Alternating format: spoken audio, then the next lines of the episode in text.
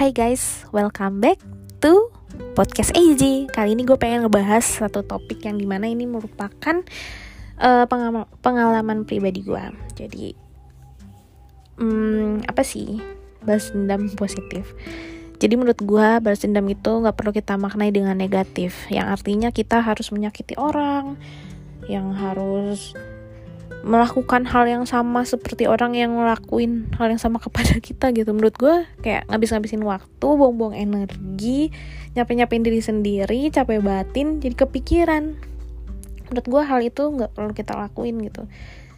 Jadi versi gue adalah yang pertama kita harus ikhlas dulu. Ya emang susah. Tapi mencoba ikhlas gak ada salahnya kan. Demi kebaikan diri sendiri juga gitu. Bukan kebaikan dia tapi kebaikan untuk diri kita yang kedua kita rubah mindset kita untuk berpikir positif yaitu untuk mengupgrade diri kita menjadi lebih baik lagi.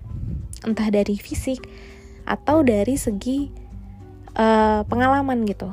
Pengalaman di sini kayak uh, skill lu pendidikan lu personality lu gitu dan dari segi fisik ya misalnya lu pengen merubah pola hidup lu gitu demi untuk diri lu ya tapi tujuannya itu buat kebahagiaan lu buat diri lu bukan buat orang lain. Karena itu pasti dijamin orang yang udah bikin lu sakit hati gitu pasti akan nyesel kenapa nyakitin lu gitu.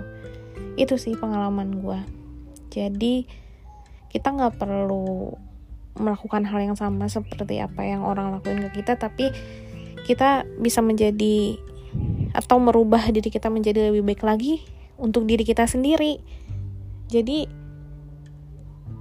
daripada kita jadi negatif lebih baik kita jadi positif aja gitu. Dan menurut gue itu work sih. Karena tanpa sadar ya kita menjadi pribadi yang lebih baik lagi gitu. Menurut gue tanpa kita harus menunjukkan uh, kesalahan atau kejahatan orang sama kita karena udah ada tugasnya masing-masing gitu istilahnya.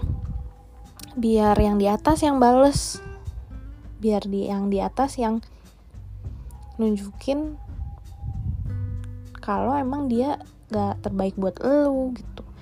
Lebih baik dia gak temenan lagi atau gak pacaran lagi sama lu daripada ke depannya malah bikin lu jadi negatif gitu jadi gitu sih menurut gue balas dendam terbaik adalah mengupgrade diri kita menjadi lebih baik lagi itu klise sih menurut gue tapi itu works kok karena tanpa sadar orang yang nyakitin kita pasti akan kepo sama kehidupan baru kita.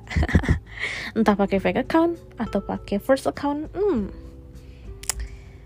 Tapi ketika mereka sudah baik lagi, kalian kaliannya jangan mau lagi gitu. Maksudnya. Ya kalau mau berteman ya hayo, tapi kalau untuk mau lagi sama dia, gue saranin jangan. Gitu. Jadi gitu sih saran gue. Mudah-mudahan bermanfaat bagi kalian. Uh, dan ini masih nuansa Idul Fitri ya. Mohon maaf lahir dan batin. And thank you for listening my podcast. Bye